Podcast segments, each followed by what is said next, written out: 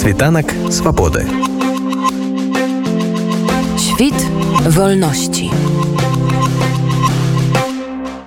Вы на хвалі світанка свабоды или мікрафона Андрусь гаёвы.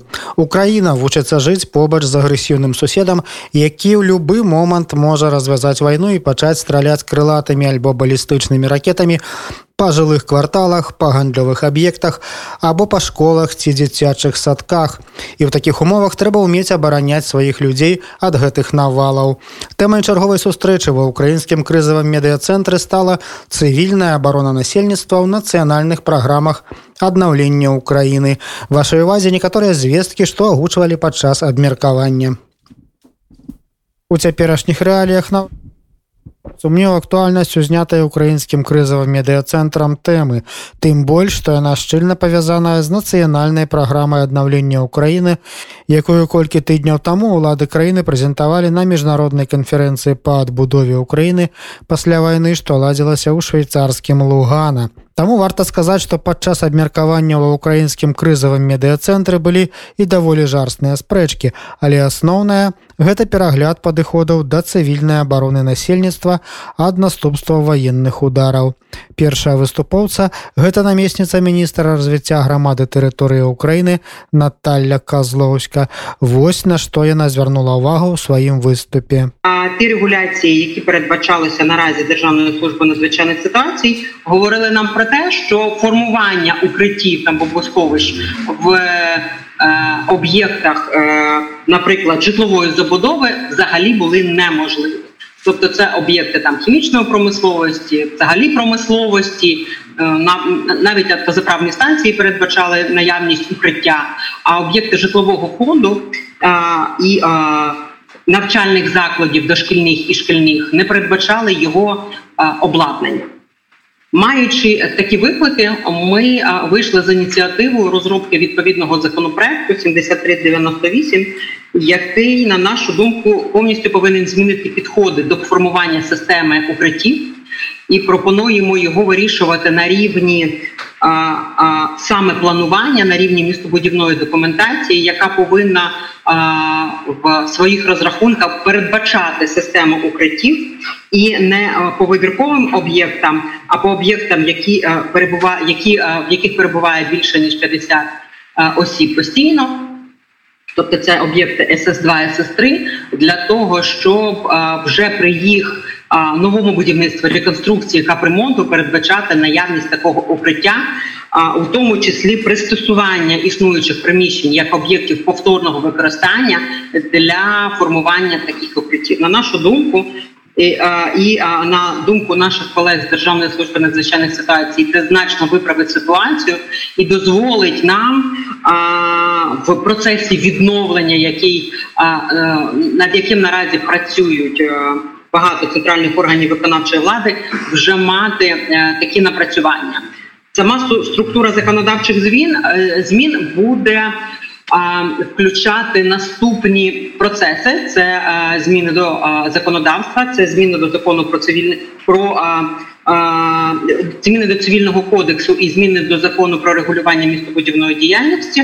Це перша складова, і друга складова це е, зміна до постанови кабінету міністрів, якою передбачається затвердження порядку розроблення містобудівної документації, в якому переглядається повністю структура розділу по цивільному захисту, і вона якраз і е, буде йти в розвиток е, того законопроекту, про який я говорю, і відповідно зміна до двох державних будівельних норм. А це і порядок розроблення містобудівної документації, перший ДБН, і другий, який має відповідний там гриф допуску. Це ДБН про саме будівництво об'єктів цивільного захисту. Наразі ми думаємо над тим, щоб його об'єднати. Це зробити один документ загального доступу для того, щоб е, всі архітектори-проєктанти, які над ним працюють, мали його у вільному доступі. Хочу вам сказати, що ми паралельно перед е, розробкою законопроекту вивчили досвід європейських країн, і він дуже показовий, тому що ми вивчали досвід е, е, Швеції, Фінляндії, країн пострадянського союзу, так званих Німеччини, Польщі, і те, у що усіх на слуху досвід Ізраїля. і Мамади, про який про які всі чули дуже дуже багато. І е, хочемо сказати, що всі підходи різних країн вони досить різняться. А разом з тим, концептуально е, досвід європейських країн скоріш за все нам буде досить близький, і ми будемо е, його враховувати при е, розробці відповідних державних будівельних норм. Але з усёй размовы было адчуванне, што тымі, хто найбольш пераймаецца тэмай абароны украінцаў ад удараў ворага былі прадстаўнікі грамадскай арганізацыі рэнесанс. Яе заснавальнік і кіраўнік кандыдат навукаў дзяржаўнага кіравання сябра украінскай акадэміі архітэктуры Віктор Глеба і падчас свайго выступу і пры адказах на пытанні ды ў спрэчках з дзяржаўнымі чыноўнікамі акрэсліў асноўныя праблемы, што ёсць у сферы абароны цывільнага насельніцтва, як ён больш слушна прапануе гэта называць, а таксама падыходы, якія прапануе ягоная арганізацыя.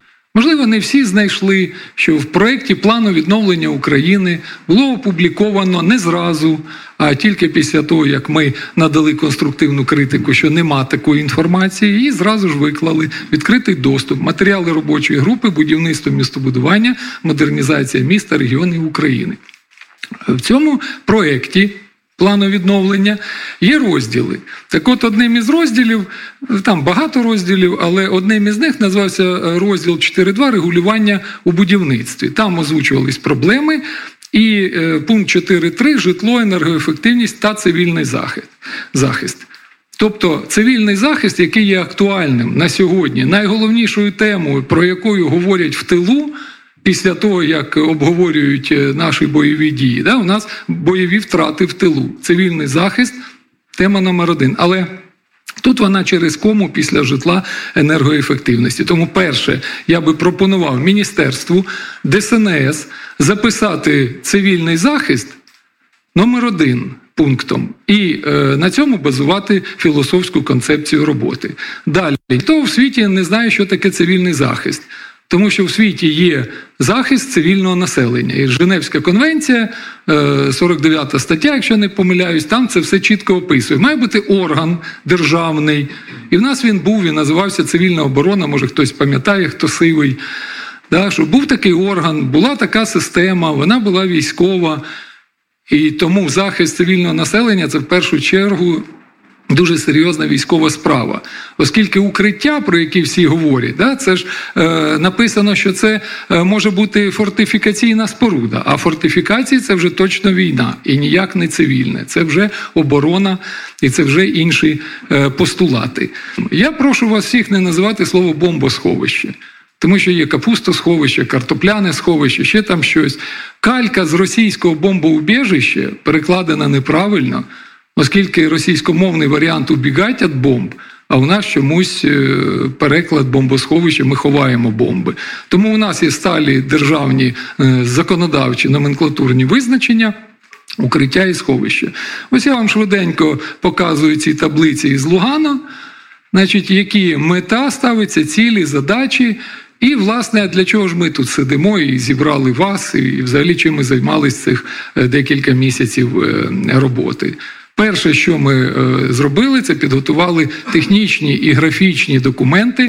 Але моя задача поінформувати вас про інше, про те, які є проблеми.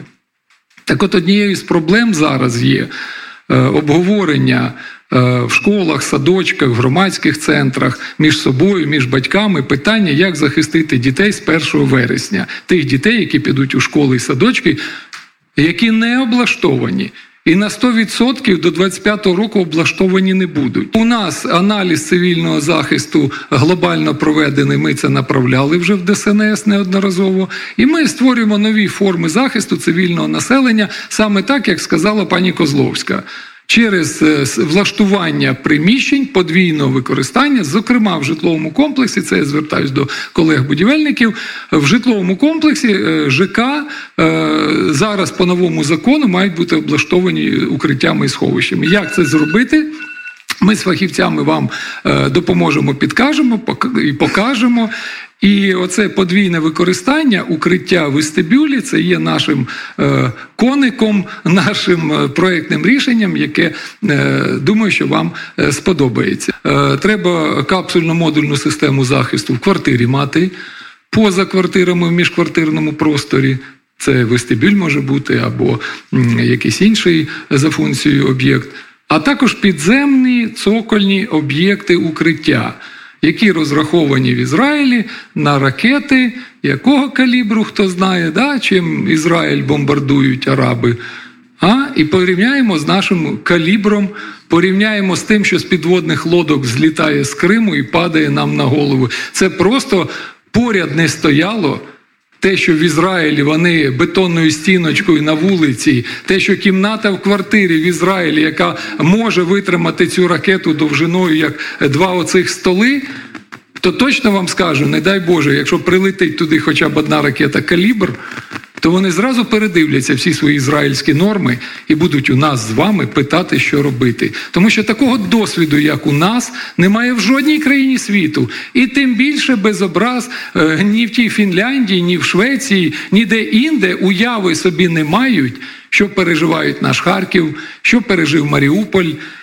І не буду говорити про інші міста, Чернігів і так далі. Тобто.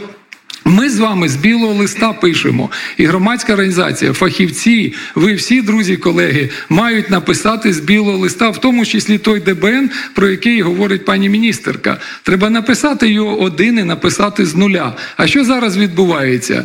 Зараз просто беруть і калькують російські сніпи останні річної, двохрічної давнини і просто перекладають українською мовою. Це неприпустимо. Тому ми вважаємо, що підходи нові в написанні ДБНів, до речі, в Лугано про це сказали: написання нових нормативних документів. З гледзяшча дзяржаўнай службы з надзвычайных сітуацыяў на праблему і шляхі яе вырашэння зярнуў прадстаўнік службы Александр Лешченко. Події, які відбуваються в нашій країні, безумовно впливають на аналіз стану реалізації заходів державної політики щодо захисту населення.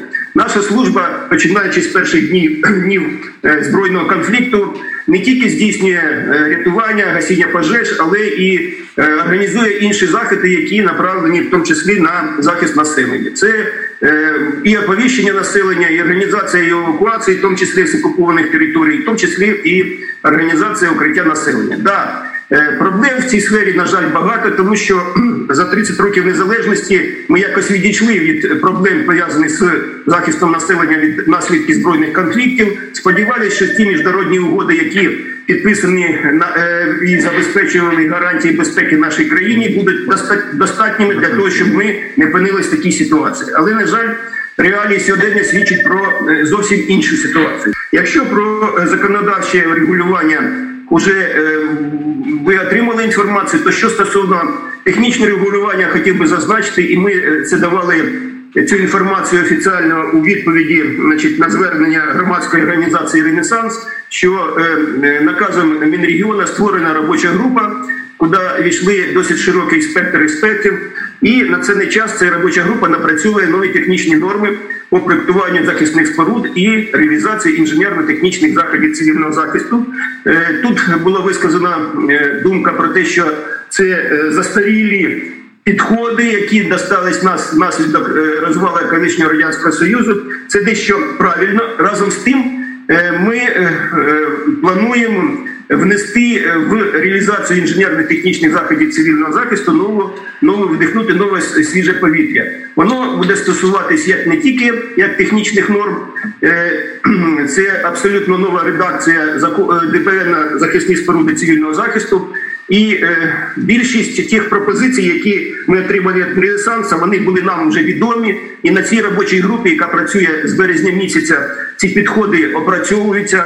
І більшість цих пропозицій, я маю на увазі технічних рішень і проектних рішень, вони будуть враховані в новій редакції. А вось кіраўнік бізнес-асацыяцыі украінскіх прадпрымальнікаў Швейцарыі і ўласнік да кіраўнік будаўнічай кампаніі домакамплект Дмітро Каўганіч своеасабліва абмаляваў сітуацыю ва ўкраіне з укараненнем нават тых праектаў, якія ажыццяўляюцца ў краінах заходняй Еўропы.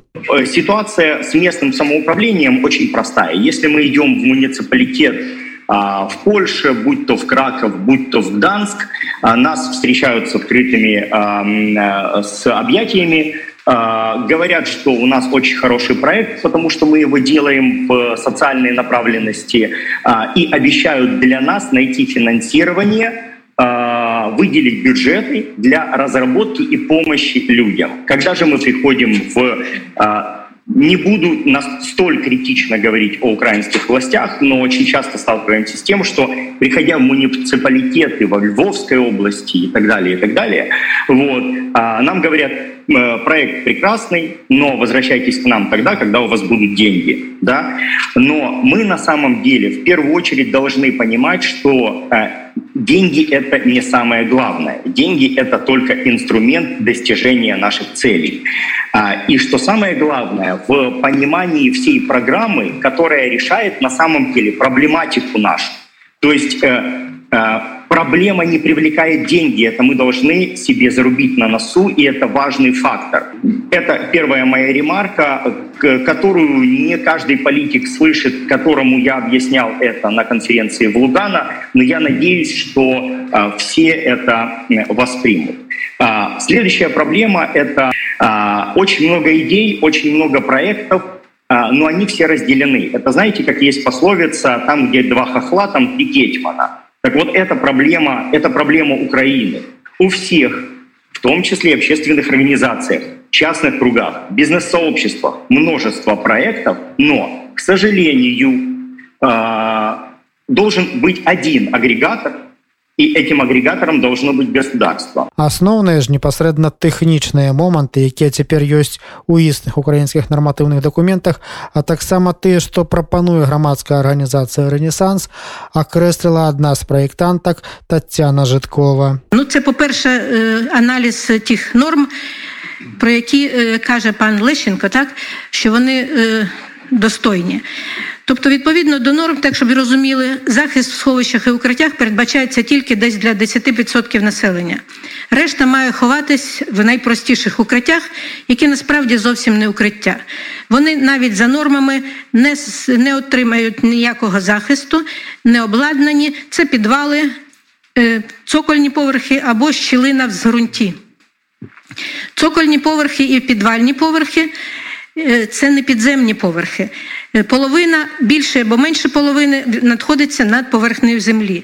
І за досвідом на теперішній час бомби чудово втрапляють цю частину, і люди, які ховаються в цих укриттях, гинуть. Тут є кілька світлин, е, як на теперішній час відбувається це укриття. І навіть за нормами найпростіше укриття не передбачене для захисту населення, а лише для зниження вражаючої дії. Е, найбільше страждають маломобільні групи населення, тому що, е, якщо хто не знає, то це 60-70% е, людей. Це не тільки люди з інвалідністю, але й ті, хто тимчасово втратили працездатність. Відключення ліфтів повністю відрізано цих людей без будь-яких навіть найпростіших укриттів. Вони просто не можуть спуститись з поверху і гинуть. Час від старту ракети в Белгороді до вибуху в Харкові складає від одної до трьох хвилин. За цей час неможливо добігти ні до якого укриття, можливо зайти в якусь частину кімнати. Не більше того. Ну, ще якраз методичні рекомендації, які були затверджені ДСНС у 2021 році, і там були рисунки. Подивіться, людині пів метра 0,4 метри на особу. Площа, яку займає людина на кріслі колісному, складає метр двадцять, метр метр двадцять. Тобто, розумієте, вони вже мають бути один над одним. Площа труни метр двадцять. Тобто на площі труни мають ховатись три особи. Тепер подивіться на картинки е, проходи. Для того, щоб людина на кріслі колісному могла проїхати, їй потрібно щонайменше 90 сантиметрів, а тут 60. 60 – це люди сидять і колінками впираються одне в одного. Е, тобто, наша програма розробила ще раз укриття в будь-якому частині міста, в житловому середовищі, в громадському, на підприємстві, в ландшафтно-рекреаційній зоні. Що стосується житлового середовища, передбачаються для житлових будинків. Передбачається зовсім інша структура житлового будинку, тобто три е, кола безпеки. Перше це найбільш захищене коло, там, де мають бути ліфти і сходові клітки які не відключаються в будь-який час. Там же мають бути інженерні комунікації. Якщо якась квартира буде розбита, то воно просто відключається, а решта працює. Друге коло це передпокої квартири, там сані- санітарно-технічні вузли. Тобто, це якраз може бути безпечний простір. Він так само захищений міцними железобетонними стінами. Што ж Украіна толькі ў пачатку шляху перабудовы свайго жыцця на рэйкі прыфрантавой дзяржавы, напады на якую агрэсіўныя суседкі не здольны спрагназаваць ніхто. Тым не менш тое, што ўжо на пятым месяцы паўнамасштабнай вайны, якая прынесла шмат разбурэнняў як жытлавых будынкаў, так і устаноў адукацыі, прамысловых і гандлёвых прадпрыемстваў, дзе, на жаль, не атрымалася пазбегнуць вялікай колькасці ахвяраў, пачала ўжо прапаноўваць рэальныя праекты абароны людзей ад паразы расійскай зброі гаворыць пра тое што ў дзяржаве маюць намер кардынальна перагледзяць падыходы да бяспекі ад агрэсіўных выпадаў рассіі Світанак свабоды. Świt wolności.